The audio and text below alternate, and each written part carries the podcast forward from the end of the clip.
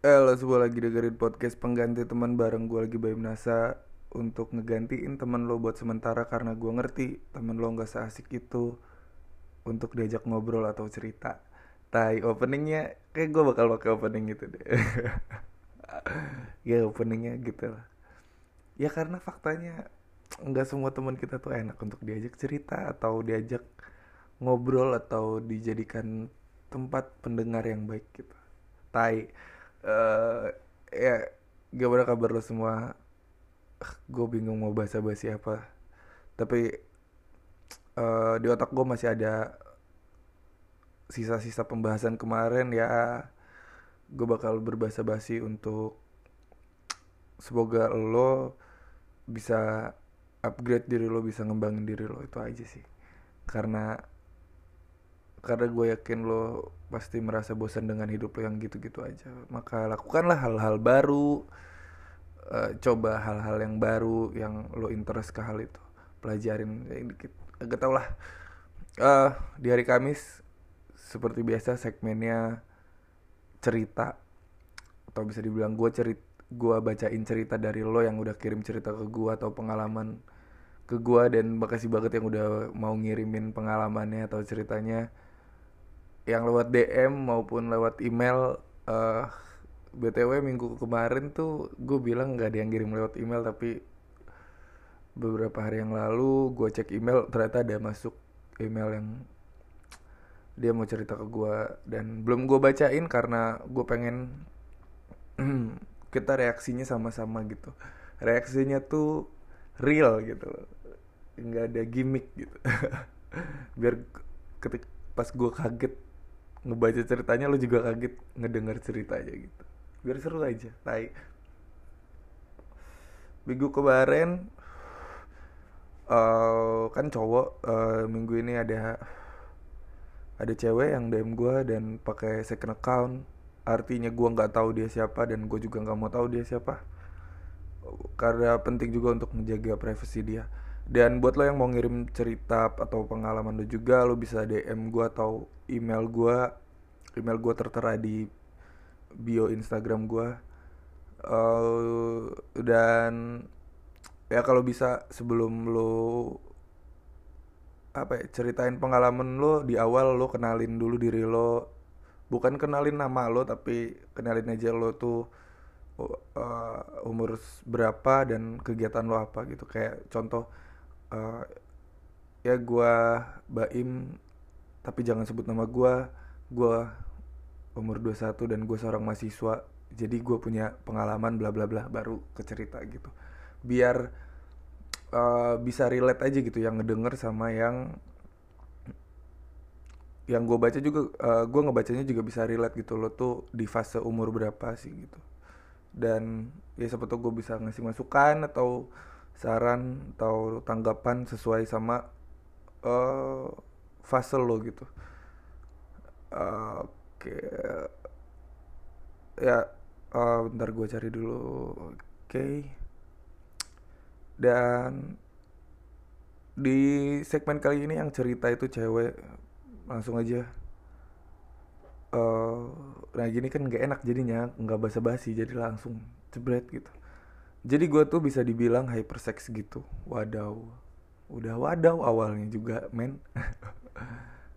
Eh, pengalaman gue ya cukup banyak tentang hal ini tapi itu semua ada sebabnya. Gue juga baru tahu beberapa bulan ini karena gue chatan sama orang di salah satu apps gitu atau aplikasi. Awalnya ya kita sharing aja pengalaman nge-sex kita. Terus gue bilang kalau pertama kali gue petting itu bukan sama cowok gue tapi sama sepupu gue pas gue masih umur 5 tahun. Ah shit. Gokil sepupu lu. Eh udah kayak di bokep step brother step sister gitu ya kan eh bukan nggak step dong nggak tiri. Eh, dan buat yang belum nggak tahu petting itu kayak foreplay gitu kayak eh, bercumbu doang gitu nggak nggak sampai masuk masuk gitu lah nggak sampai masuk masuk lo cuman eh, ya lo dilus-lus dicium-cium gitu gitu di anggur grab ya di grab grab. Eh ya gue bacain ulang. Jadi pertama kali gue petting itu bukan sama cowok gue tapi sama sepupu gue pas gue masih lima tahun. Terus dia bilang kan e, lu tuh kena sexual abuse pas kecil itu pas umur lima tahun itu. Uh, eh, gue mikir dong hah masa sih itu namanya sexual abuse? Sampai akhirnya gue nyari tahu tentang sexual abuse sama dampaknya. Dan pas gue cari ya itu relate semua jir sama gue uh, buat yang nggak tahu sexual abuse itu pelecehan seksual gitu. Gambarannya gitulah. Uh, kayak dampaknya tuh yang gue baca ya gue udah pernah ngalamin gitu semua mulai dari depresinya sampai ke gaya ngeseksnya tuh relate banget dari apa yang gue baca. Terus kayak gue kaget tapi ya mau gimana lagi? Nggak ada yang bisa disalahin juga buat ini semua. Karena ya orang yang ngelakuinnya juga udah nggak ada. Hah? maksudnya sepupu lo udah sepupu lo yang ngelecehin lo tuh udah meninggal gitu. Gimana ya? Maksudnya nggak ada nih uh, pertama kali gua nganu tanda kutip tai. Uh, ya gue terus terang aja di sini lah. Gue gua terus terangin bahasanya. Pertama kali gua ngeu ngeu sih ya uh, eh, gue balah jadi yang ngarahin mantan gua. Ya emang anaknya dominan sih. Oke gue ngerti. Jadi lo yang lebih dominan ketika berhubungan. gitu asli mau berubah tuh susah banget. Sampai kepikiran pengen dirukiah saking mau berubahnya. Tapi susah enak soalnya tai. Dia nulis tapi susah enak soalnya WK WK WK bangset enggak enggak enggak karena itu udah jadi kayak pelarian dari masalah hidup gitu loh. Hmm. Uh, jadi ntar dibahasnya deh. Ya mungkin dampak ke gue jadi kayak gini saking hypernya saking hypernya dulu gue pernah nyoba trisom 3S lu 3S nih maksudnya trisam tai. Gue pernah coba trisam gitu. Itu juga masih belum puas wadaw. Jadi gue nggak pernah puas gitu loh kalau sekalinya udah ngewe ya ampun. Uh, dan gue juga sering nge-unboxing laki. Ampun yang bikin lucu adalah dia ngetik dan gue juga sering nge-unboxing laki pakai emot sedih. Ya sedih sih. Sedih sih. Uh, asli dampaknya tuh segede itu ke gue ya. Mungkin kayak anak-anak lain. Uh, mungkin ke anak-anak lain bisa aja jadi trauma sama laki-laki atau malah jadi depresi yang kayak jadi gila atau nggak waras gitu. Nah di sini gue cuma mau ingetin aja untuk jaga adik-adik lu yang masih pada di bawah umur biar nggak dapet perlakuan yang sama kayak gue mau itu cowok atau cewek pokoknya ya dijaga lah ya. Ya menurut gue bukan adik-adik aja sih maksudnya. Siapa pun ya orang terdekat lo atau lo kalau kenal sama anak-anak kecil ya lo jagain lah. Karena dampaknya gokil sih. Uh, ya semoga dapet poinnya ya. Intinya mah jangan asal ngelus anak-anak walaupun dia nggak ngerti dampaknya bisa ke bawah sampai tua. Uh. Uh iya juga ya. Uh, jangan sebut uh, ah ya itu nggak bakal gue sebut. Hmm. ah gokil sih. Ini gokil sih uh, mungkin gini ya uh, yang dia omongin jangan mana sih?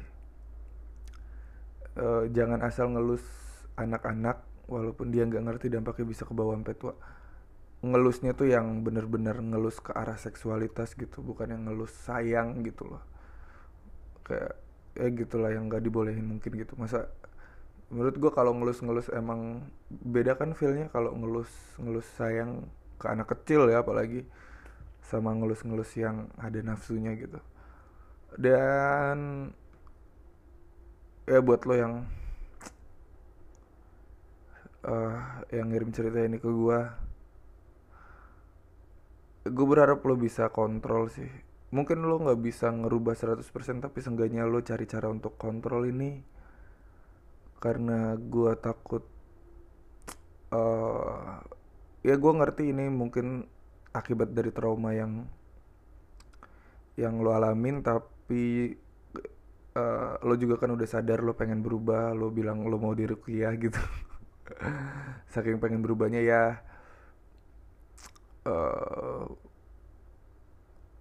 pertama ya nggak nggak semua masalah itu diselesaikan sama hal-hal kayak gitu. Maksudnya rukiah segala macam itu nggak kayaknya problem lo nih uh, lebih tepatnya sih lo ke psikolog gitu. Kalau lo punya uang lebih ya lo ke psikolog untuk konsul aja. Uh, dan ya untuk konsul atau cari tahu caranya gimana lo bisa kontrol ini gitu. Karena come on lah lo pasti pengen nikah dan masa lo nikah sama dua orang ya kan gitu. Bercanda ya maksudnya lo sendiri yang nulis kalau trisam aja nggak bikin lo puas gitu. Jadi uh, setahu gue sih ya masalah seksual itu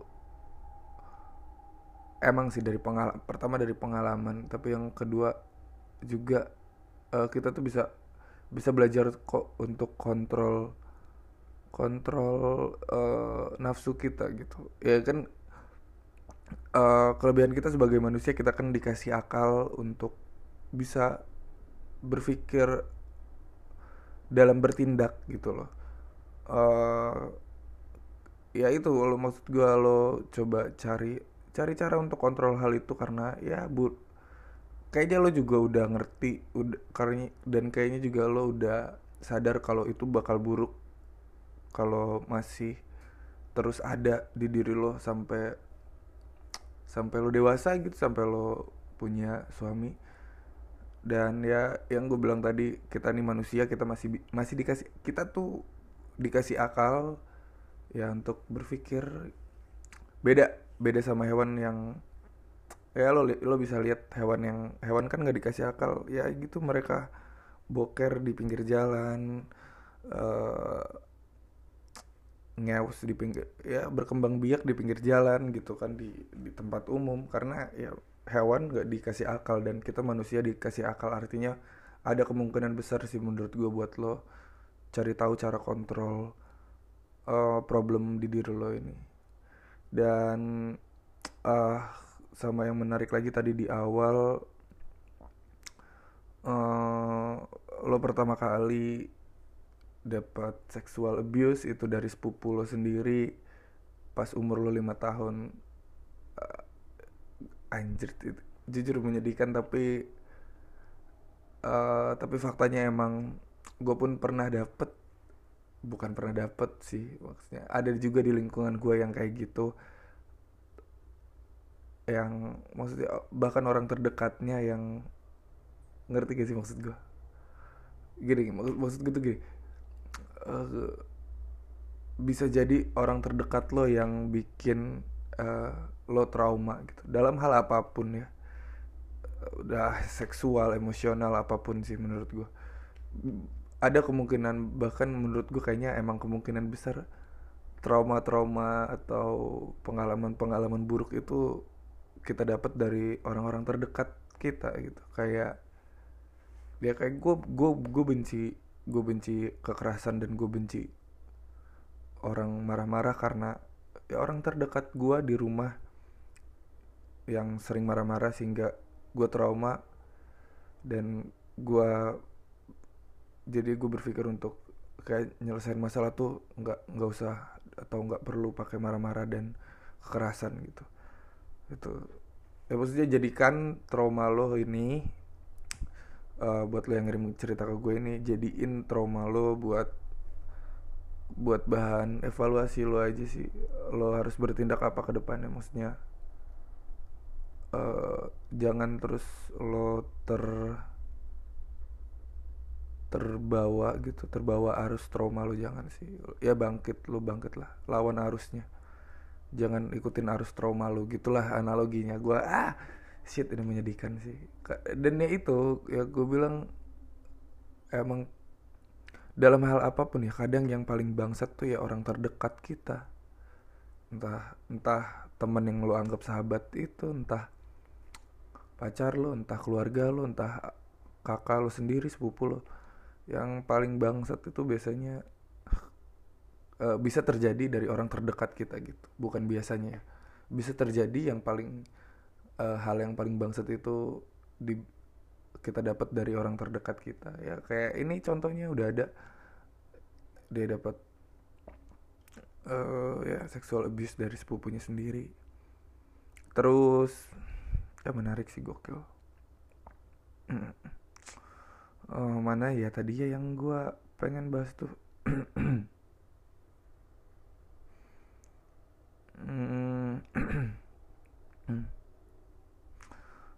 uh, oh ya uh, itu jadi pelarian dari masalah hidup gitu. Uh, dia bilang kalau susah untuk berubah karena itu udah jadi pelarian untuk masalah hidup gitu. Uh, ini menarik kenapa? Karena bukan bukan hanya di seks orang itu mencari pelarian untuk uh, untuk masalah-masalah yang lagi dihadapin ya. Banyak kok yang orang uh, stres sedikit lari ke alkohol. Artinya ada ketergantungan ke situ uh, karena dia menganggap alkohol itu ngilangin stres atau ya kayak yang di kasus ini kan dia menganggap ya habis uh, ketika gue melakukan hubungan seksual atau secara mandiri ataupun ada lawan gitu maksudnya eh, dia bakal merasa ya itu sementara menghilangkan problem-problem hidup. Ya itu itu itu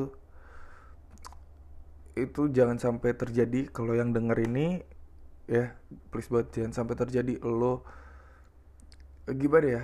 Intinya gini contohnya gini. Kita contoh ke alkohol deh. Gue sebel kalau ada orang ngomong ah gue stres banget gue mau minum gitu dan setiap kali dia stres dia larinya ke minum. Setiap kali ada masalah apa pun dia larinya ke minum.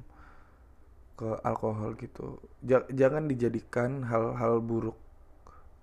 Hal-hal buruk eh, hal-hal uh, yang ya buruk buat kesehatan buruk buat kinerja otak itu sebagai pelarian. Maksudnya kalau lu mau minum alkohol ya udah lu karena lu pengen having fun sama teman-teman atau lu pengen sekedar ngecil sama teman-teman lo gitu itu itu oke okay. jangan sampai beralasan gue minum alkohol karena gue lagi stres atau gue gue mabuk karena gue lagi pusing banyak masalah gitu. Nanti nanti takutnya ya kayak gini. Jadi mindset lo merasa bahwa uh, ya kalau gue ada problem gue larinya ke sini. Dan lo pun sadar juga bahwa itu sebenarnya nggak nyelesain masalah tapi seenggaknya seenggaknya lo merasa agak tenang lah dalam apa ya ngadepin masalahnya. Tapi men itu nggak bisa. Itu nggak bisa. Lo emang harus untuk ngadepin masalah lo tuh harus jernih tanpa ada pengaruh hal lain gitu. Uh, jangan jadiin hal-hal buruk itu pelarian untuk masalah lo. Karena untuk nyelesain masalah itu emang harus harus berasal dari apa ya kesadaran kita sendiri ketika kita sadar dan kita bisa kontrol emosional kita itu solusi-solusi itu bakal keluar pas pas kita enjoy kita eh gue ngerti ada problem pasti nggak se-enjoy itu tapi kalau kita berusaha mikir tenang kita calm down coba kontrol emosi solusi bakal keluar dengan sendirinya sih. Intinya jangan jadiin hmm, suatu hal yang buruk jadi pelarian untuk masalah hidup. Ya gitu aja sih. Itu sih. Uh, terus apa lagi ya? Uh, dan uh, dan untuk masalah seksualitas ya mungkin ya. Uh, buat lo yang belum pernah berhubungan seksual belum punya pengalaman dalam berhubungan seksual uh, lebih baik gue nggak maksudnya itu hak lo untuk mau nyobain kapan tapi uh, uh, gue menyarankan lebih baik lo lakuin itu setelah lo udah nikah aja. Setelah lo udah punya pasangan yang sah yang bakal nemenin lo bener-bener gitu. Karena yang gue takutin adalah banyak banget kasus eh sah banyak banget kasus uh, masalah seksual khususnya di anak-anak muda yang yang dapat masalah itu karena ketidaktahuan gitu. Kayak contoh uh, sesimpel gini banyak cowok-cowok yang nggak ngerti kalau kenapa cewek tuh nggak bisa dipaksa atau uh, ya nggak nggak bisa dipaksa untuk berhubungan gitu karena banyak banyak ya gitu banyak cowok apa sih gue ngomong apa tai? Banyak cowok-cowok yang nggak tahu kenapa cewek tuh nggak bisa dipaksa untuk melakukan hubungan seksual uh, karena ya cewek itu butuh butuh dirangsang untuk ngeluarin pelumas di dalam vaginanya gitu biar nggak sakit. Jadi kalau lo nggak rangsang dulu tuh cewek ya itu bakal sakit. Kalau artinya kalau lo maksa cewek lo untuk berhubungan sama lo lo nyakitin dia secara fisik maupun mental gitu. Jadi banyak banget hal-hal yang kayak gitu. Dan kayaknya uh, pembahasan ini bakal gue bikin uh, segmen khususnya di hari Senin ya di awal minggu. Ya itu segmen pembahasan. Ya bakal jadi poin pembahasan di ya di awal minggu di hari Senin.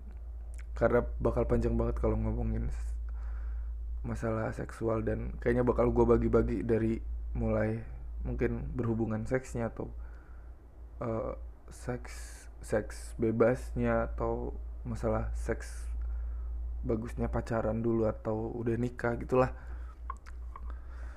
Ya itu bakal itu bakal panjang sih kayaknya episodenya. Gue uh, lu kerasa nggak sih? Gue agak apa ya uh, suara gue tuh nadanya agak agak turun karena miris miris ngedengernya sumpah. Sepupu men anjing. Ya itu ja, uh, jangan apa ya mau mau sama siapa pun harus waspada. Bukan artinya lo menjauhi semua orang-orang terdekat lo bukan. Tapi sekiranya ada orang-orang terdekat lo yang lo merasa kayaknya ada yang aneh dengan orang ini udah uh, jaga jarak sama dia bukan berarti mutus silaturahmi tapi jaga jarak aja. Uh, dan faktanya gitu sih.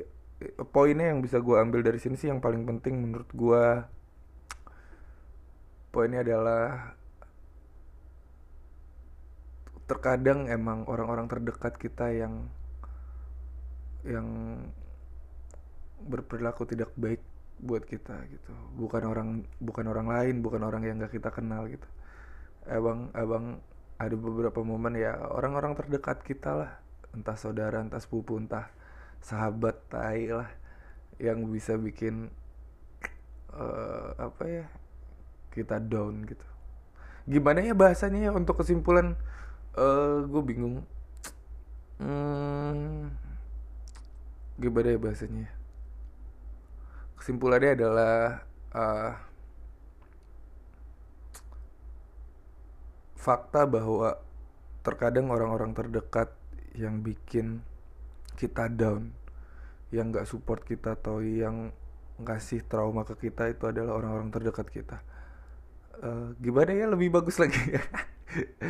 Uh, kesimpulannya gue coba dulu ya. Kesimpulannya uh, kesimpulannya orang-orang apa ya?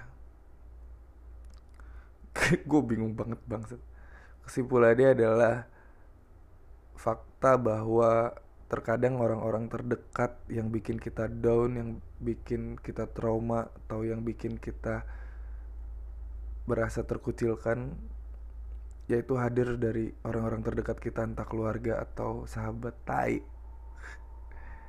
Jadi ya jangan fuck nggak tau lah gue gue gue bingung uh, pokoknya intinya